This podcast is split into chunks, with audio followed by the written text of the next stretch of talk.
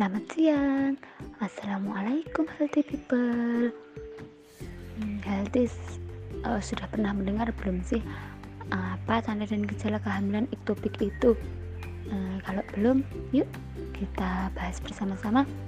Tanda dan gejala kehamilan ektopik itu yang pertama adanya amenore atau tidak menstruasi sering ditemukan walaupun itu hanya pendek saja sebelum diikuti adanya perdarahan yang kedua mual dan muntah. Yang ketiga rasa nyeri di bagian kanan atau kiri perut ibu. Yang keempat perut semakin membesar dan keras. Yang kelima suhu badan agak naik. Yang keenam nadi cepat. Yang ketujuh tekanan darah menurun.